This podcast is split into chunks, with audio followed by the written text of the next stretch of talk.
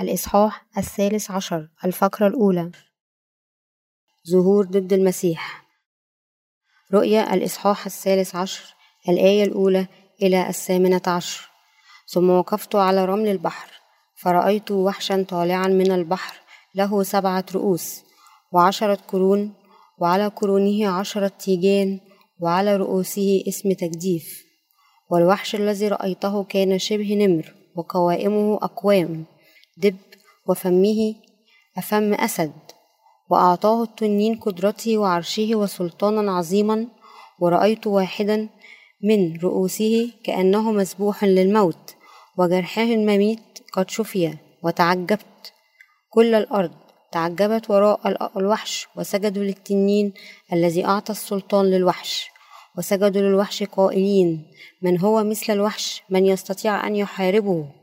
وأعطى فمن يتكلم بعظائم وتكاديف وأعطى سلطانا أن يفعل اثنين وأربعين شهرا ففتح فمه بالتجديف على الله ليجدف على اسمه وعلى مسكنه وعلى الساكنين في السماء.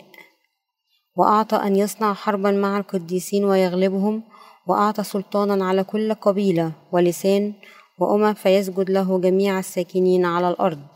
الذين ليست أسماءهم مكتوبة منذ تأسيس العالم في سفر الحياة في سفر حياة الخروف الذي ذبح من له أذنان فليسمع فليسمع. إن كان أحد يجمع سببا فإلى السبي يذهب وإن كان أحد يقتل بالسيف فينبغي أن يقتل بالسيف.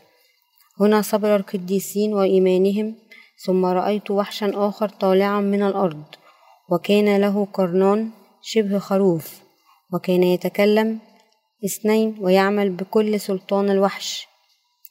يتكلم أتنين أتنين ويعمل بكل سلطان الوحش الأول أمامه ويجعل الأرض والساكنين فيها يسجدون للوحش الأول الذي شفي جرحه المميت.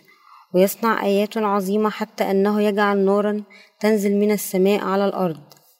قدام الناس ويضل الساكنين على الأرض بالآيات التي أعطى أن يصنعها أمام الوحش قائلا للساكنين على الأرض أن يصنعوا صورة للوحش الذي كان به جرح السيف وعاش وأعطى أن يعطي روحا لصورة الوحش حتى تتكلم صورة الوحش ويجعل جميع الذين لا يسجدون لصورة الوحش يقتلون ويجعل الجميع الصغار والكبار والأغنياء والفقراء والأحرار والعبيد تصنع لهم سمة على يدهم اليمنى أو على جبهتهم. وألا يقدر أحد أن يشتري أو يبيع إلا من له السمة أو اسم الوحش أو عدد اسمه. هنا الحكمة من له فهم فليحسب عدد الوحش فإنه عدد إنسان وعدده ستمائة وستة وستون. التفسير الآية الأولى إذا وقفت على رمل البحر وأنا رأيت نهاية وحش يرتفع البحر على نده سبعة رؤوس وعش وعشر قرون وعلى قرونه عشر تيجان وعلى رؤوسه اسم آفر. رأى الرسول يوحنا وحشا يرتفع من البحر من خلال هذا الوحش الذي رآه يوحنا يرينا الله ما سيفعله ضد المسيح. عندما يظهر على هذه الأرض أظهر الله ليوحنا هذا الوحش بسبعة رؤوس وعشر قرون حتى لا يخبرنا أن وحشا بهذا الشكل. سيظهر بالفعل ويكون نشطا في العالم وليخبرنا أن شخصا يتمتع بسلطة وقوة هذا الوحش يظهر فاضطهد القديسين وجعل منهم شهداء.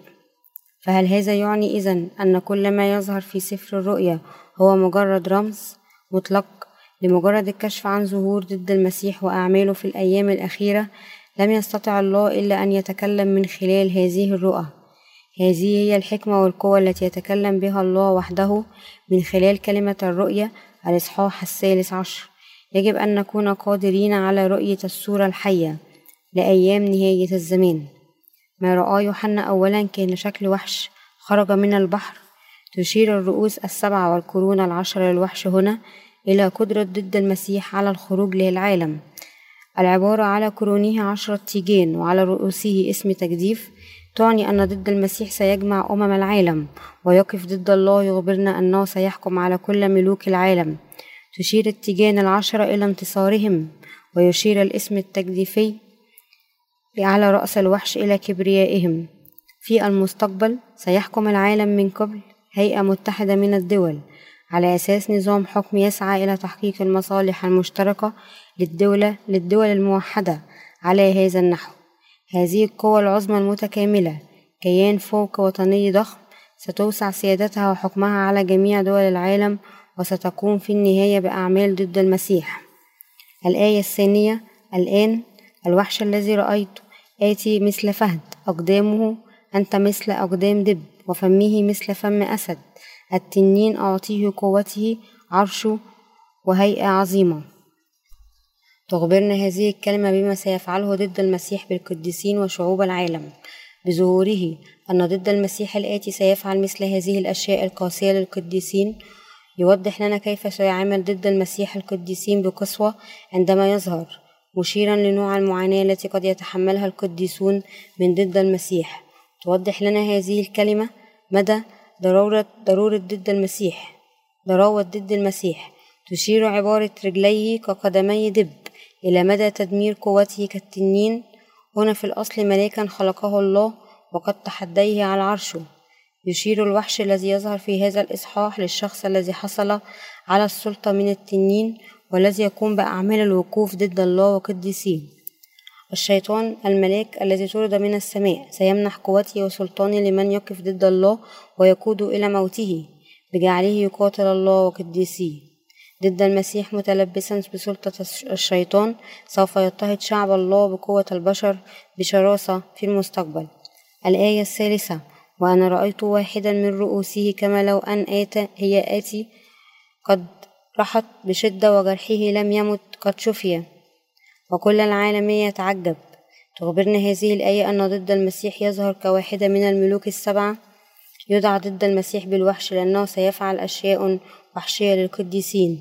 هذا سيظهر عدو الله والقديسين على أنهم الشخص القادر على حل مشكلة الموت في آخر الزمان. وعلى هذا النحو يعتقد الكثير من الناس في نهاية الزمان أنه قادر على حل جميع المشاكل التي ابتليت بها الأرض.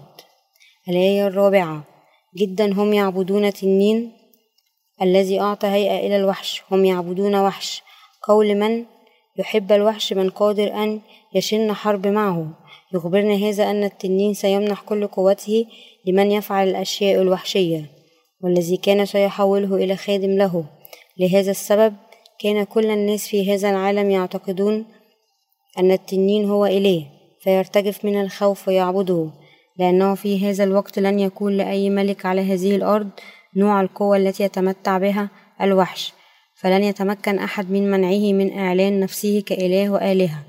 نظرا لأن التنين يمنح الوحش قوة كبيرة فسيحترم الجميع التنين والوحش ويعبدون الأخير باعتباره إلههم عندما يظهر ضد المسيح الذي يمتلك مثل هذه القوة العظيمة.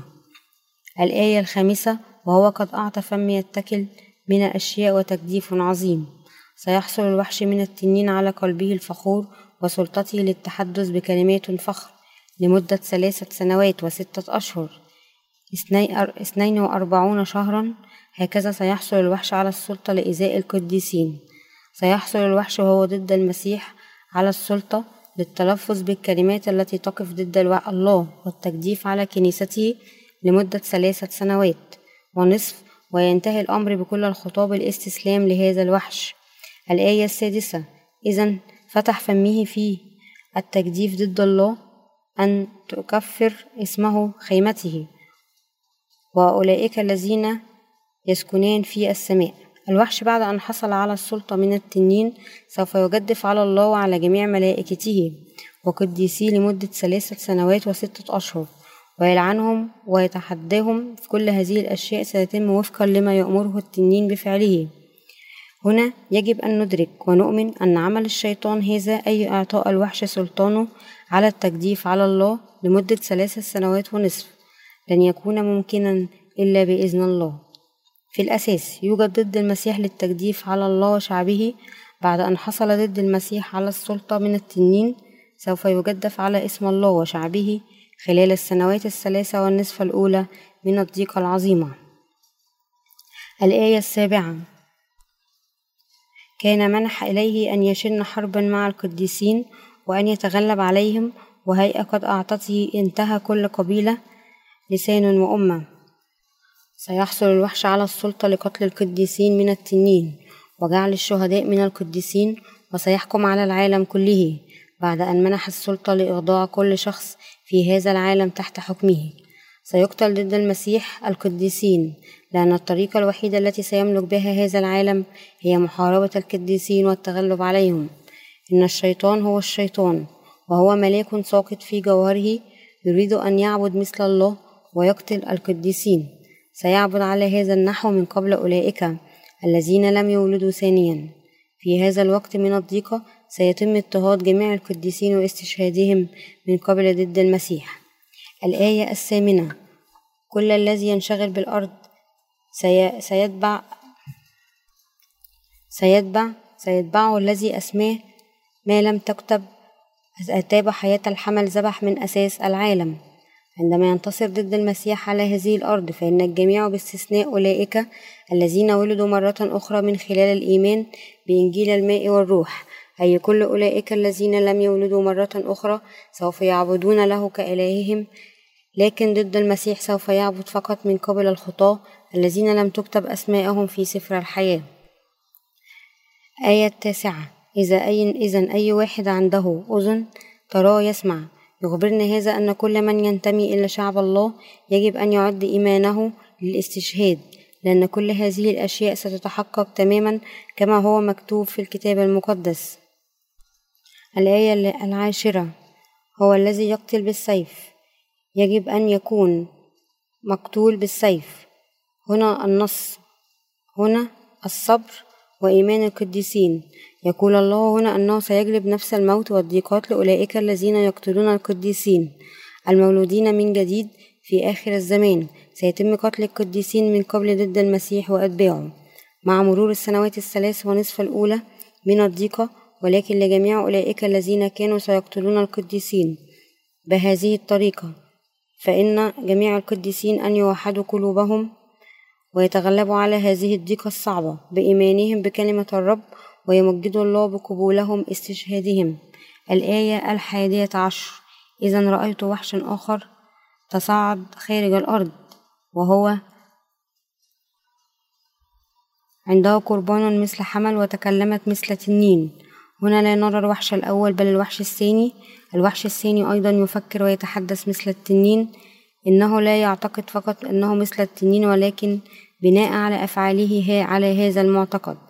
فإنه يضطهد القديسين بشكل أكثر شراسة هذا الوحش هو نبي ضد المسيح. الآية الثانية عشر وهو يمارس كل هيئة الوحش الأول في حضوره وتسبب الأرض أولئك الذين يسكنون فيه أن يعبد الوحش الأول الذي جرح ميتا قد شفي.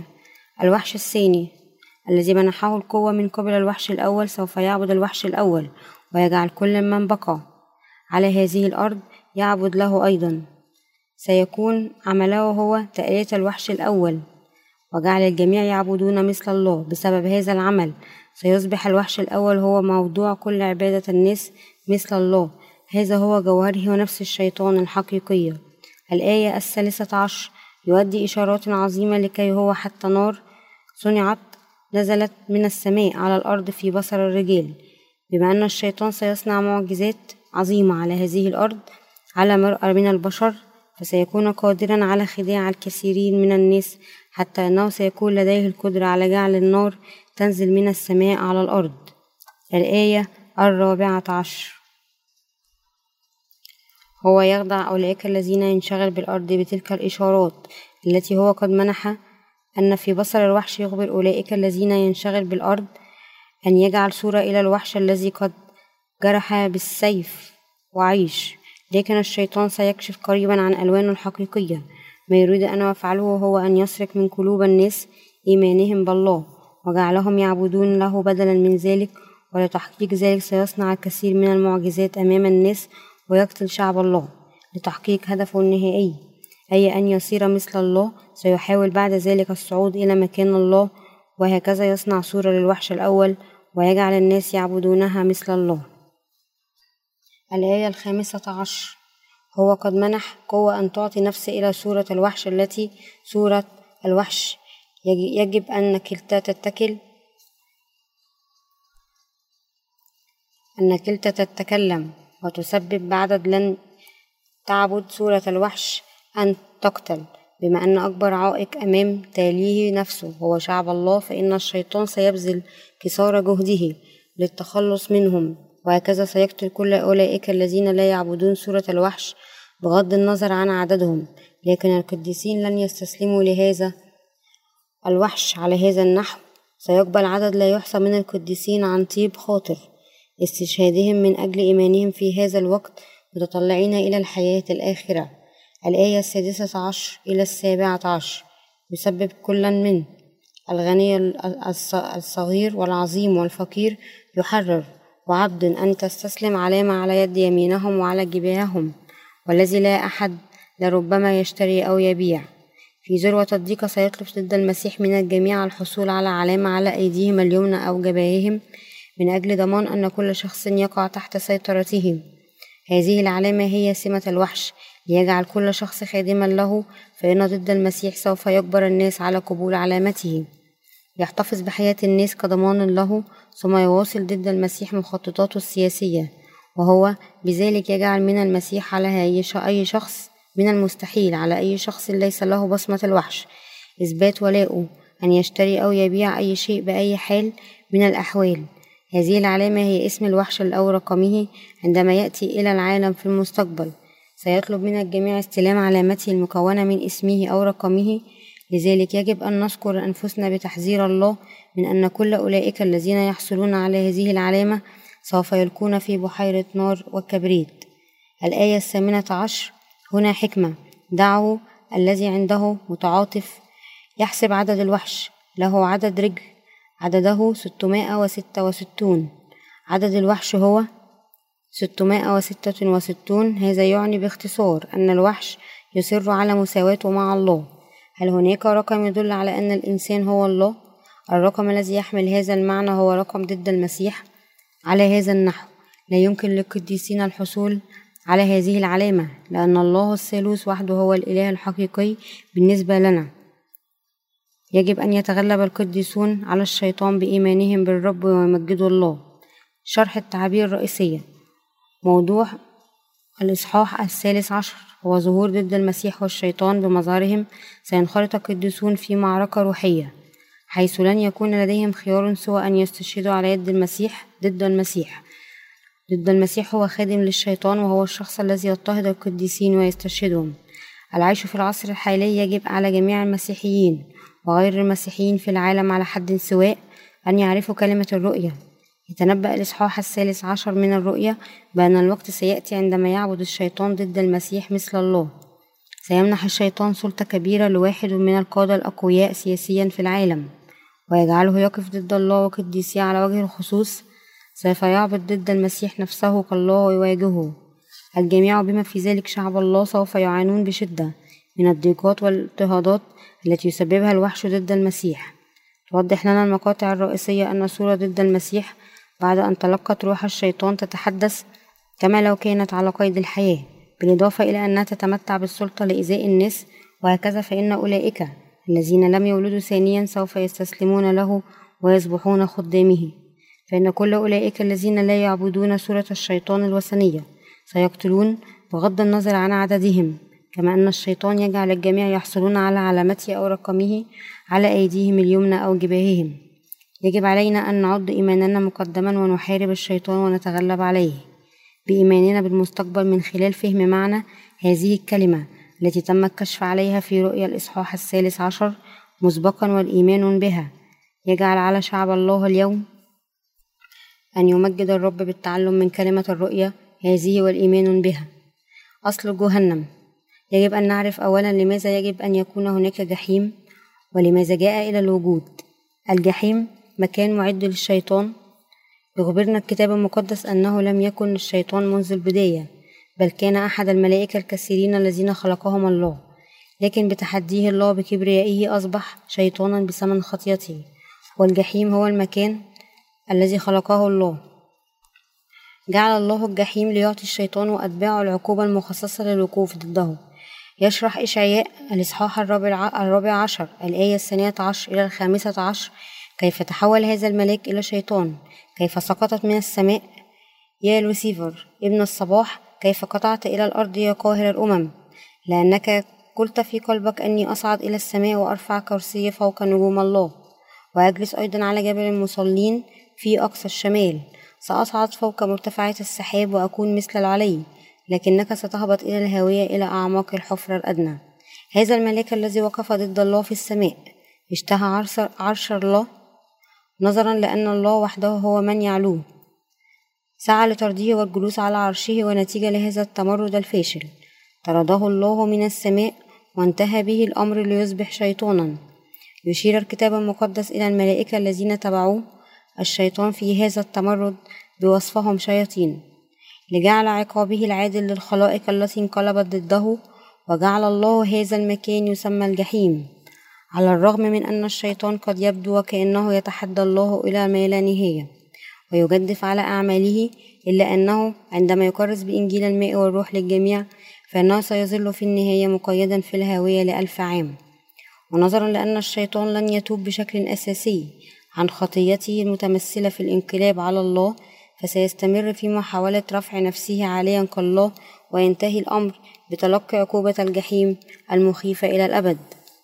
سيواصل الشيطان الوقوف ضد الله والصالحين بجعل الناس يعبدونه ويسمى الكتاب المقدس هذا الملاك الساقط الساقط الذي يجدف على الله قديسيه الشيطان أو الشيطان والتنين أو الحية القديمة. رؤيا الإصحاح الثاني عشر الآية التاسعة. ستمائة وستة وستون عدد الوحش. سوف يلزم الله أخيرا الشيطان في سجنه لكن قبل أن ينحصر في الجحيم. سيجعل الشيطان الناس يتلقون علامة ستمائة ستة وستين. اسمه ورقمه على أيديهم اليمنى أو جباههم ويحرم كل من ليس عنده هذه العلامة من شراء أو بيع أي شكل. الرقم السابع هو رقم الكمال الذي يدل على الله. من ناحية أخرى يشير الرقم السادس إلى الإنسان لأن الله خلق الإنسان في اليوم السادس على صورته. ومثاله رقم الوحش هنا 666 يكشف عن فخر الإنسان الذي يحاول أن يصبح مثل الله الثالوث في المستقبل غير البعيد. سيأتي الوقت لهذا العالم عندما يتلقى الناس هذه العلامة رقم 666 يخبرنا سفر الرؤيا الثالث عشر الآية الأولى أن سبعة ملوك سيخرجون من بين عشرة أمم من بينهم الشخص الذي لديه قوة عظيمة وسلطة من الشيطان سيخضع هذا العالم تحت حكمه. صنع معجزات عظيمة مثل شفاء جروح مميت وإنزال النار من السماء سيجعل كل الناس في العالم يتبعونه. نظرا لأن الشيطان يجعل الناس يتبعونه أكثر مما يتبعون الله ينتهي الأمر بالعديد من الناس إلى عبادة الله. عندما يظهر الأبطال في أوقات الشدة فضد المسيح بعد أن تلقى سلطة كبيرة من الشيطان سيسعى إلى أن يتبعه الجميع كإله من خلال تلك المشاكل السياسية والاقتصادية. الصعبة التي يواجهها العالم بعد ذلك في النهاية سيكشف الشيطان ألوانه الحقيقية بمحاولة تحدي الله مباشرة في الأيام الأخيرة. كما نرى من سفر دانيال فإن الضيقة العظيمة تصبح قاسية للغاية عندما تصل لنهاية نصفها الأول. النصف الأول الذي استمر لمدة ثلاثة سنوات ونصف هو فترة الضربات الرهيبة وحكم الشيطان القوي. ولكن عندما تنتهي هذه السنوات الثلاثة والنصف الأولى فإن ما يلي سيكون إعصار أكبر من المحن. في هذا الوقت يمنح إبليس السلطة للقيام بأعماله بين الناس في العالم ويقتل كل من لا يستمع إليه ويخدعهم بمعجزاته التي تنزل النار من السماء وتعبد نفسه وتجعلهم يقومون بذلك أعمال التجديف على الله. في نفس الوقت ضد المسيح بعد أن حصل على كل السلطة من الشيطان سوف يجدف على القديسين ويقتل القديسين الذين لا يطيعونه كما تخبرنا الآيات السابعة والثامنة. لقد أعطيت له الحرب مع القديسين والتغلب عليهم وأعطيه سلطانا على كل قبيلة ولسان أمة. سيسجد له كل الساكنين على الأرض. الذين لم تكتب أسماءهم في سفر حياة الخروف المذبوح منذ تأسيس العالم. ومع ذلك هناك من يرفضون عبادة الوحش في هذا الوقت. وهؤلاء ليس سوى شعب الله المولودين من جديد. والذين كتبت أسماءهم في سفر حياة الحمل. حالة الاستشهاد. الاستشهاد هو حدث ينشأ عندما يدافع القديسون الذين ولدوا من جديد بالإيمان بإنجيل الماء والروح عن إيمانهم بالرب برفض علامة الشيطان. بعبارة أخرى ستدخل الضيقة العظيمة مرحلتها الكاملة حيث تقترب فترة النصف الأول من ثلاث سنوات ونصف في هذا الوقت. يجب أن يستعد إيمان المستقيمين لاستشهادهم. ومع ذلك فإن أولئك الذين على الرغم من إيمانهم بيسوع كمخلص لهم لم يؤمنوا بإنجيل الماء والروح وبالتالي لم يتلقوا مغفرة خطاياهم ولا يزال لديهم خطية في قلوبهم. سينتهي بهم الأمر بالوقوف إلى جانب الشيطان والاستسلام له في النهاية. لأن المسيحيين الذين يؤمنون بيسوع ولكنهم لم يولدوا ثانيا ليس لديهم روح قدس في قلوبهم. يجب أن نعرف بوضوح أن أولئك الذين لا يعبدون الشيطان في هذا الوقت سيكونون فقط أولئك الذين نالوا مغفرة خطاياهم. يجب أن ندرك أن الله أخبرنا بوضوح أنه سيرمي مع الشيطان كل أولئك الذين يستسلمون للوحش. في بحيرة النار والكبريت تقول لنا الآيات التاسعة والعاشرة من له أذن فليسمع الذي يقود السبي يذهب إلى السبي. من قتل بالسيف يجب أن يقتل بالسيف. هنا صبر القديسين وإيمانهم في هذا الوقت. سوف يجلب ضد المسيح وأتباعه اضطهادا كبيرا للأبرار ويبعونهم ويقتلونهم بالسيوف. ما يجب أن ندركه هنا بالتأكيد هو أن الله سينتقم لنا بالتأكيد من أعدائنا الذين يضطهدون ويقتلون الصالحين. وعلى هذا النحو يجب أن يمر القديسين باضطهادهم وموتهم من خلال الإيمان بوعود الله. لو لم ينكر الله ثأره لأعدائنا فكيف لنا أن نغلق أعيننا في إحسان إحساننا المحبط بالعدالة؟ ولكن يجب وعدنا الله بالانتقام من أعدائنا الذين يؤذوننا فإن موتنا لن يذهب سوى سدى. سينتقم الله بالتأكيد لمن يعذب ويقمع الأبرار ويرشد الأبرار إلى قيامتهم ونشوة الخروف وعشاء زواج الحمل فيحكمون مع الرب ألف سنة ويعيشون معه إلى الأبد. كلنا نؤمن بهذا ونأمل فيه. لذلك فإن ربنا هو أفضل إله يحقق كل آمالنا.